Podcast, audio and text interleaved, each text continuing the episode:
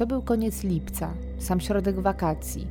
Miałam dopiero 19 lat i mieszkałam wtedy jeszcze z rodzicami w jednorodzinnym domu, który znajdował się kilkadziesiąt kilometrów od dużego wojewódzkiego miasta. I trzeba przyznać, że to miejsce, w którym mieszkaliśmy, było najzwyklejszym w świecie odludziem. Żeby dotrzeć do najbliższej cywilizacji, chociażby w postaci jakiejś bezimiennej stacji benzynowej, to musiałam przemaszerować na piechotę dobre 20 minut i to przez gęsty las. Dom, w którym mieszkaliśmy, był starą leśniczówką i miał swój klimat.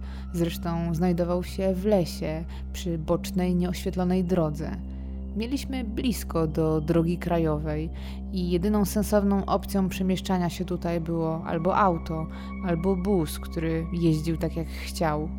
Z tego też powodu do kursu na prawo jazdy przystąpiłam bardzo szybko i egzamin na prawo jazdy zdawałam zaledwie dwa dni po 18 urodzinach. Czekałam na ten dzień jak na pierwszą gwiazdkę. Miałam zresztą parcie, żeby zdać i na szczęście się udało i to za pierwszym razem. Mimo stereotypów o kobietach za kierownicą i mojego małego doświadczenia, ja akurat pokochałam jazdę samochodem i byłam od razu w tym całkiem niezła, a dodatkowo po prostu to uwielbiałam. Zawsze starałam się znaleźć wymówkę, żeby pożyczyć auto od taty i przejechać się chociaż kilka minut. Tej nocy, której to wszystko się wydarzyło, było okrutnie gorąco i duszno. Pamiętam ten dzień doskonale. Upał nie pozwalał mi zasnąć. Dochodziła pierwsza w nocy, a ja zamiast spać leżałam na kanapie w salonie i doskonale pamiętam, że oglądałam powtórki pierwszego sezonu Gry o Tron. Mijał czas i zaczęło mi burczeć w brzuchu, a niestety, jak to zwykle bywa, kiedy jest się głodnym i to o dziwnej godzinie, to lodówka zawsze jest wtedy pusta. Wtedy wpadłam na, wydawało mi się, genialny pomysł. Żeby umilić sobie noc przejażdżką samochodem, a przy okazji pojechać gdzieś po coś do jedzenia. W sumie miałam ochotę na ciepłego hot doga. Rodzice akurat wyjechali na urlop i nie było ich już od trzech dni, stąd ta pusta lodówka i żebym mogła czasem wygodnie się przemieścić, bez konieczności korzystania z jeżdżenia tutaj busem, zostawili mi klucze do wysłużonej terenówki mojego taty. Tata miał firmę związaną z pracami leśnymi i potrzebował samochodu, któremu niestraszne, trudne warunki, a akurat ta poczciwa witara towarzyszyła mu już od prawie dwóch dekad. I mimo, że najlepsze lata miała już dawno za sobą, to ja szczerze kochałam to auto. Pewnie głównie przez sentyment, bo nie była już ani piękna, ani super sprawna. Pomyślałam więc, że mogę upiec dwie pieczenie na jednym ogniu, umilić sobie tą bezsenną noc przejażdżką z ulubioną muzyką w tle, a przy okazji zjeść coś ciepłego. Chwyciłam więc kluczyki, założyłam buty i wyszłam przed dom. Do mojego nosa dotarł piękny zapach letniej leśnej nocy – to takie pomieszanie zapachu sosny, jeziorka i nostalgii. Nade mną było gwieździste niebo i co jakiś czas słyszałam popiskiwanie przelatujących nietoperzy. Zatrzymałam się na chwilę, zamknęłam oczy, wzięłam głęboki oddech i zasłuchałam się przez chwilę w koncercie świerszczy. Rozejrzałam się po okolicy w poszukiwaniu auta. Całe podwórko oświetlała tylko lampka nad drzwiami wejściowymi, a mój wzrok jeszcze się nie przyzwyczaił do ciemności. Ciężko więc było mi z początku dostrzec, gdzie dokładnie stoi zaparkowane leciwe Suzuki Taty, a nie miało ani alarmu, ani centralnego zamka, więc nie mogło do mnie zamrugać po naciśnięciu pilota, żeby pomóc zdradzić swoją lokalizację. Kiedy moje oczy przyzwyczaiły się już do ciemności, udało mi się dostrzec sylwetkę witary obok szopy z narzędziami. Chwilę później siedziałam już w środku, szukając jakiejś stacji radiowej w moim klimacie, bo tata zawsze miał nastawione na, jak to nazywałam, gadanie, które miałoby szansę chyba mnie tylko uśpić. Padło na rokową stację i akurat puszczali stare kawałki Myslowic. Uwielbiam Myslowic. Pomyślałam, że to idealny wybór, bo chyba miałam tego dnia ochotę na odrobinę melancholii. Zapięłam pasy, wrzuciłam jedynkę i wytoczyłam się na szutrową drogę leśną przed domem.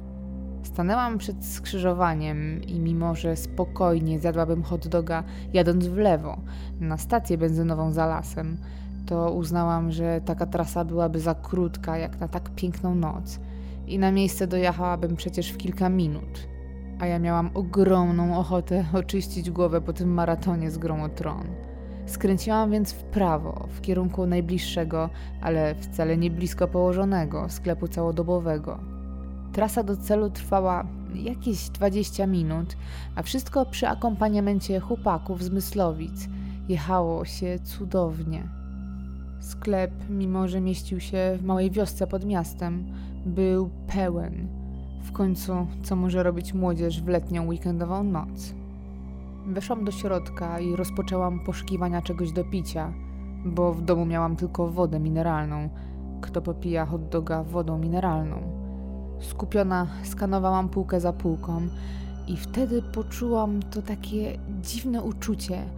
Znacie to uczucie, kiedy macie wrażenie, że jesteście obserwowani i że ktoś właśnie wbija w was wzrok.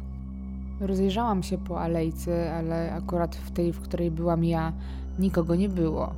Za to ludzie zaczęli się piętrzyć przy kasie. Pomyślałam sobie, że no, oglądałam się pewnie zbyt dużej ilości filmów i wręcz zaśmiałam się pod nosem ze swojej głupoty. Wzięłam z półki co chciałam, moją ulubioną kole zero i poszłam do kolejki.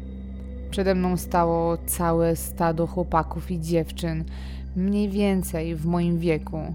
Jednak ja, jako introwertyczka, starałam się nie złapać z nimi przypadkiem żadnego kontaktu wzrokowego i udawałam, że niezwykle interesują mnie opakowania tabletek pod kasą. Kiedy przyszła wreszcie moja kolej, podałam zmęczonej życiem ekspedientce kole i poprosiłam hot doga. Widziałam już jej minę. Nie miała ochoty tu być, ani tym bardziej przygotowywać dla mnie jedzenia ale mimo wszystko ja umierałam z głodu. Stanęłam z boku, żeby nie blokować przejścia i nie patrzeć na jej minę, zwłaszcza, że do sklepu zaczęły wchodzić kolejne grupki osób. Czekając tak z boku na to upragnione jedzenie, nagle poczułam, że ktoś klepie mnie w ramię. Odwróciłam się, mocno zdziwiona, a moim oczom ukazał się wyższy o co najmniej dwie głowy mężczyzna w średnim wieku.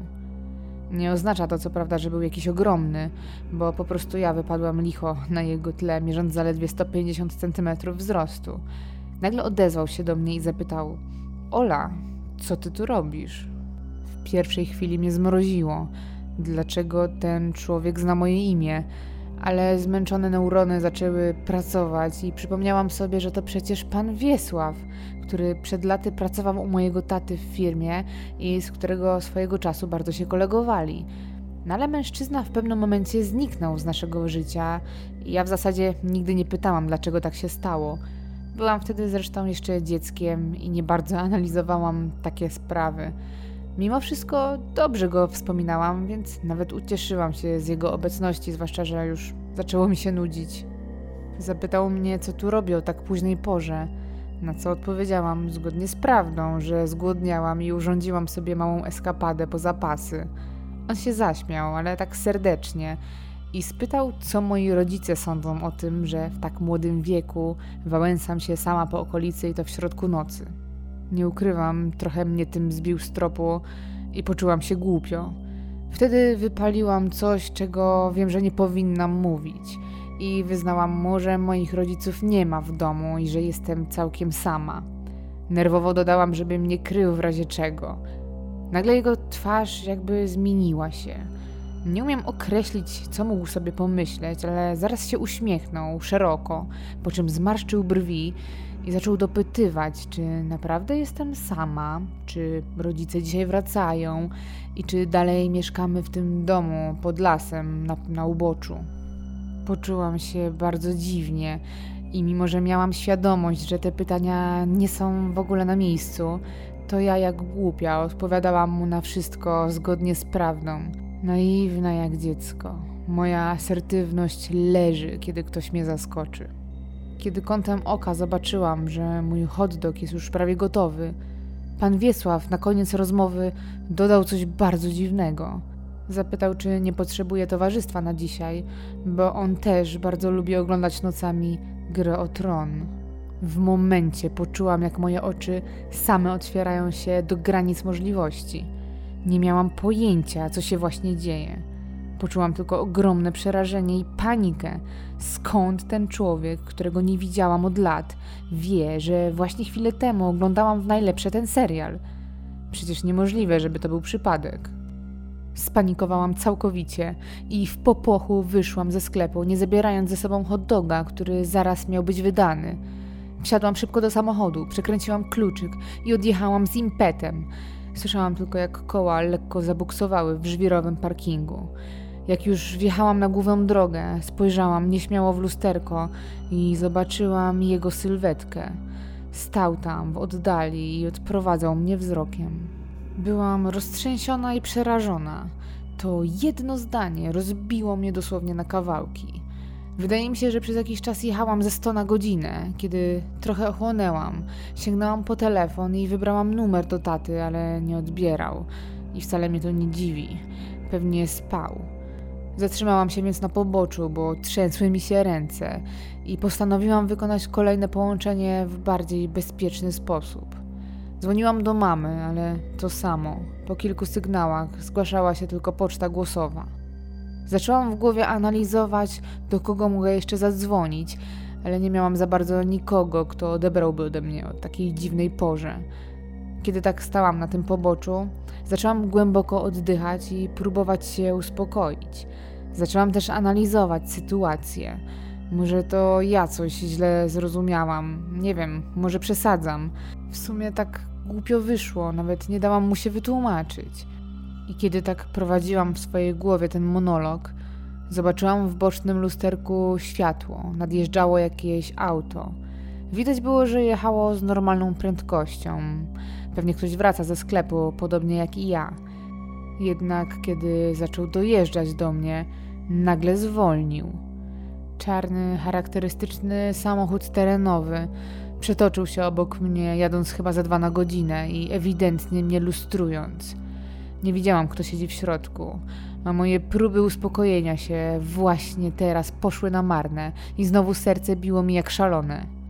Położyłam rękę na kluczyku, który był w stacyjce i kiedy już odpaliłam auto, tamten samochód nagle z piskiem opon ruszył i zniknął za zakrętem. Nie miałam pojęcia, co to było. Zaczęłam więc znowu w głowie próbować zracjonalizować sobie tę sytuację. Może to była policja, albo ktoś po prostu z ciekawości sprawdzał, co to za auto w środku nocy stoi na poboczu.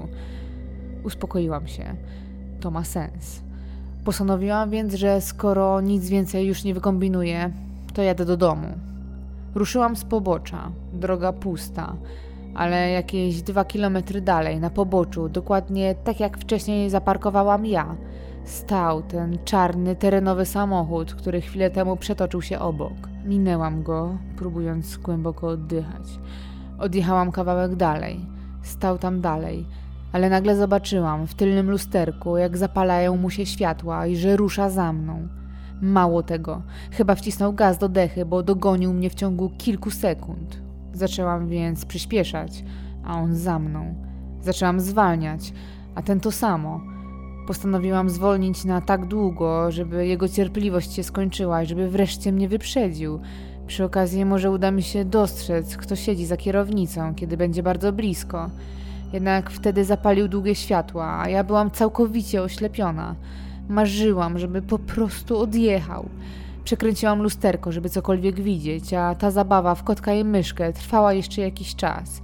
Przynajmniej jedną piosenkę w radiu. I chociaż miałam wrażenie, że trwa to wieczność. Ale w końcu udało się i ten nieznany samochód wyprzedził mnie i zniknął gdzieś za horyzontem. Wreszcie odetchnęłam. Dalszą część trasy jechałam już sama i nie spotkałam na szczęście żadnego innego samochodu. Miałam serdecznie dość tej nocy. Próbowałam nawet nucić piosenki puszczane w radiu, żeby ukoić nerwy, ale nic nie zadziałało na mnie tak dobrze, jak doskonale znana mi okolica. W końcu byłam prawie na miejscu. Skręciłam w moją boczną, leśną dróżkę i kilka chwil później byłam już w domu. Weszłam do środka, zamknęłam za sobą drzwi. Uff. Dawno tak nie tęskniłam za tym starym domem. Starałam się zrobić wszystko, żeby zapomnieć o tym incydencie. Już nawet nie czułam głodu. Usiadłam skulona na kanapie, starając się skupić na serialu, ale ciągle byłam myślami w tym sklepie. Minęła niemal godzina, było już po trzeciej. Wreszcie nieco się rozluźniłam. Postanowiłam więc wziąć prysznic i położyć się wreszcie do łóżka. Miałam serdecznie dość tego wieczoru. Udałam się do łazienki, która znajdowała się na piętrze domu. Puściłam sobie dla relaksu muzykę z laptopa i zaczęłam przygotowywać się do mycia w swoim pokoju, gdzie zawsze przy toaletce czeszę włosy i zmywam makijaż. I wtedy moje serce zamarło. Za oknem zapaliło się światło, a była tam tylko jedna lampka z czujnikiem ruchu nad drzwiami wejściowymi. Mój pokój też znajdował się nad wejściem. Zamarłam. Wyłączyłam muzykę i nasłuchując powoli przysunęłam się w stronę okna, żeby wyjrzeć i zobaczyć, czy ktoś się tam nie kręci przy drzwiach wejściowych. Niestety widok na drzwi zasłaniał mi daszek nad werandą, ale po chwili światło zgasło. Poczekałam jeszcze tak chwilę w bezruchu, ale nie zapaliło się ponownie. Nie wiem, może przebiegł jakiś zwierz. Nie no, to musiał być przecież jakiś zwierzak. Mieszkam pod lasem. Chciałam, żeby skończyły się te moje dzisiejsze paranoje. Wskoczyłam więc pod gorący prysznic i szybko się umyłam. Potem ubrałam piżamę i wyszłam na korytarz. Miałam jeszcze lekko mokre włosy i stopy też były nie do końca wytarte, więc bez problemu poczułam przeciąg. Zdziwiło mnie to, bo drzwi do obu pomieszczeń, w których uchyliłam okno, były na pewno zamknięte. Mimo wszystko miałam dość swoich paranoi na dzisiaj. Szurając kapciami, powoli udałam się w stronę mojego pokoju. Otworzyłam drzwi i wtedy poczułam, że przeciąg się wzmaga. Ręką wymacałam włącznik światła. Mój pokój w sekundzie się rozświetlił i wtedy zobaczyłam, że firanka tańczyła jak szalona, pobudzana wiatrem, a sekundę później okno trzasnęło z hukiem. Zamknęło się z takim impetem, że dosłownie podskoczyłam ze strachu i złapałam się za okolice serca. Głęboko odetchnęłam. To tylko przeciąg. No ale przecież tak być nie może. Postanowiłam poszukać źródła przeciągu. Wyszłam ponownie na korytarz, zapaliłam światło i zaczęłam lustrować wszystkie drzwi, jedno po drugim. A było ich na piętrze sporo, bo ten dom, już dość leciwy, miał dużo małych pomieszczeń. Wtedy dostrzegłam, że po przeciwnej stronie, bardziej po lewej stronie, jedne drzwi są otwarte. Bardzo mnie to zdziwiło, bo to były drzwi do sypialni moich rodziców, a ona zawsze jest zamknięta. Mamy dwa koty wychodzące i rodzice nie znosili, kiedy spały im na łóżku. Byłam też pewna, że ja ich nie otwierałam. Podeszłam więc do nich nieśmiało i wtedy zobaczyłam, że są zablokowane hantelkiem, żeby pozostały otwarte na stałe. Tego już zupełnie nie potrafiłam sobie wyjaśnić. Ogarnęło mnie przerażenie. Obróciłam się na pięcie, żeby pobiec po telefon w razie czego, ale wtedy usłyszałam trzaskanie dochodzące wyraźnie z tej nieoświetlonej sypialni moich rodziców. W momencie stanęłam jak wryta i obróciłam się w stronę otwartych drzwi. Gapiłam się w ciemną pustkę tego pokoju i nie wiedziałam już, w którą stronę się ruszyć. Wtedy zobaczyłam to, jakiś ruch. Zmrużyłam oczy i zobaczyłam ludzką sylwetkę. Zamarłam, a postać zbliżała się do mnie i w końcu światło z korytarza oświetliło intruza. To był pan Wiesław, którego spotkałam w sklepie. Stał w sypialni moich rodziców, a w ręce trzymał nóż.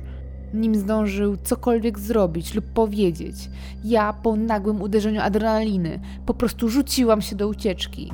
Kilkoma susami pokonałam korytarz, schody i usłyszałam po dźwiękach starej, trzeszczącej podłogi, że on też ruszył za mną, ale chyba nie spodziewał się, że będę taka szybka. Wybiegłam w popłochu przed dom. Było całkowicie ciemno. Szybka analiza. Nie ucieknę samochodem. Kluczyki zostawiłam w kuchni na blacie. Kolejna analiza. Gdzie ruszyć? Gdzie ruszyć? Nie myślałam, po prostu biegłam przed siebie. Dobiegłam do ogrodzenia posesji i zwinna jak nigdy po prostu przeszłam przez płot. Słyszałam go. Ciężko oddychał. Biegł za mną. Sekundy później usłyszałam metaliczny dźwięk siatki. On też już pokonał płot. Biegłam więc tak szybko, na ile tylko dałam radę, wiedząc też, że to moja jedyna szansa. Dopiero w pewnym momencie zorientowałam się, że jestem boso, a w moje stopy wbijały się szyszki i gałęzie. Płakałam, dyszałam, jednocześnie próbowałam zachować ciszę. Wiedziałam, że on gdzieś tam jest, bo ciągle słyszałam go za sobą. Słyszałam dźwięk łamanych gałęzi. Myślę, że był najwyżej 100 metrów za mną. Cały czas się zbliżał, a ja zaczynałam już opadać z sił. Jednak gdy na horyzoncie zobaczyłam światła lokalnej stacji benzynowej, zrozumiałam, że ratunek jest już tak bardzo blisko. Dostałam już chyba ostatniego zastrzyku energii. Nawet nie wiem, kiedy wbiegłam z lasu i z hukiem wpadłam do budynku stacji. W podartej piżamie z zakrwawionymi stopami. Dziewczyna, która miała tej nocy dyżur, wyglądała jakby zobaczyła ducha. Wtedy urwał mi się film. Dalszą część historii znam już tylko z opowiadań. Sama wpadłam w taką histerię, że dopiero zastrzyk podany przez zespół pogotowia pozwolił mi się uspokoić. Obudziłam się dopiero następnego dnia, około południa. Byłam w szpitalu. Nad łóżkiem stali już moi rodzice, którzy nawet nie wiem kiedy zostali zawiadomieni. I gdy tylko ja się ocknęłam, mocno mnie przytulili i wszyscy jednocześnie zaczęliśmy płakać. Kiedy ja wpadłam wtedy na stację, zostały wezwane służby, a jeden z patroli policyjnych wysłany został do mojego domu. Tam zastali sforsowane drzwi do składzika z narzędziami, skąd napastnik zabrał drabinę, którą następnie podstawił pod okno do sypialni moich rodziców. Musiał to zrobić albo gdy brałam prysznic, albo nawet jeszcze wcześniej, ponieważ ja nic nie słyszałam, żadnego dźwięku rozbijanego okna, zupełnie nic. Sypialni rodziców, na ich łóżku, leżał mały pieniek z wyrytym napisem w podziękowaniu. Okazało się, że intruz, którego znałam jako miłego pana Wiesława, faktycznie wcześniej pracował z moim tatą, jednak ich znajomość zakończyła się w momencie, w którym ten próbował zrobić z mojego taty wspólnika podczas kradzieży drewna na olbrzymią skalę. Mój tata nie tylko nie przystał na jego propozycję, ale zgłosił ten fakt odpowiednim służbom. I właśnie wtedy okazało się, że Wiesław M. był zamieszany w znacznie gorsze rzeczy. Był nawet podejrzany o morderstwo, ale mu się upiekło, bo nic mu nie udowodnili. Ostatecznie i tak za wszystkie swoje przewinienia dostał wyrok i to 10 lat pozbawienia wolności, jednak wyszedł za dobre sprawowanie po ośmiu, niecały tydzień przed feralną nocą. Mam teraz prawie 30 lat. Od tego zdarzenia minęło 10. Wiesław M. wciąż jest poszukiwany przez policję i do dzisiaj nie wiemy, co chciał dokładnie zrobić tamtej nocy, chociaż tak naprawdę wszyscy się domyślamy. Myślimy, że to była zemsta i on chciał uderzyć w najczulszy punkt mojego taty, czyli we mnie. Był to człowiek bez skrupułów, więc mógł zrobić wszystko tamtej nocy. Tamtego lata podjęłam też decyzję, z którą od dawna się biłam i wyjechałam na studia za granicę. Usunęłam się też ze wszystkich mediów społecznościowych i do dzisiaj bardzo dbam o swoją prywatność. Daje mi to poczucie bezpieczeństwa, ale wciąż coś tam we mnie siedzi i do dzisiaj panicznie boję się zostać sama w domu. Nocne przejażdżki samochodem pozostały dla mnie już tylko wspomnieniem. Moi rodzice też sprzedali dom w lesie. Aktualnie są na emeryturze i także mieszkają zupełnie gdzie indziej i mało kto wie gdzie. Liczymy, że ten człowiek zostanie wreszcie złapany, albo chociaż już nigdy nas nie znajdzie.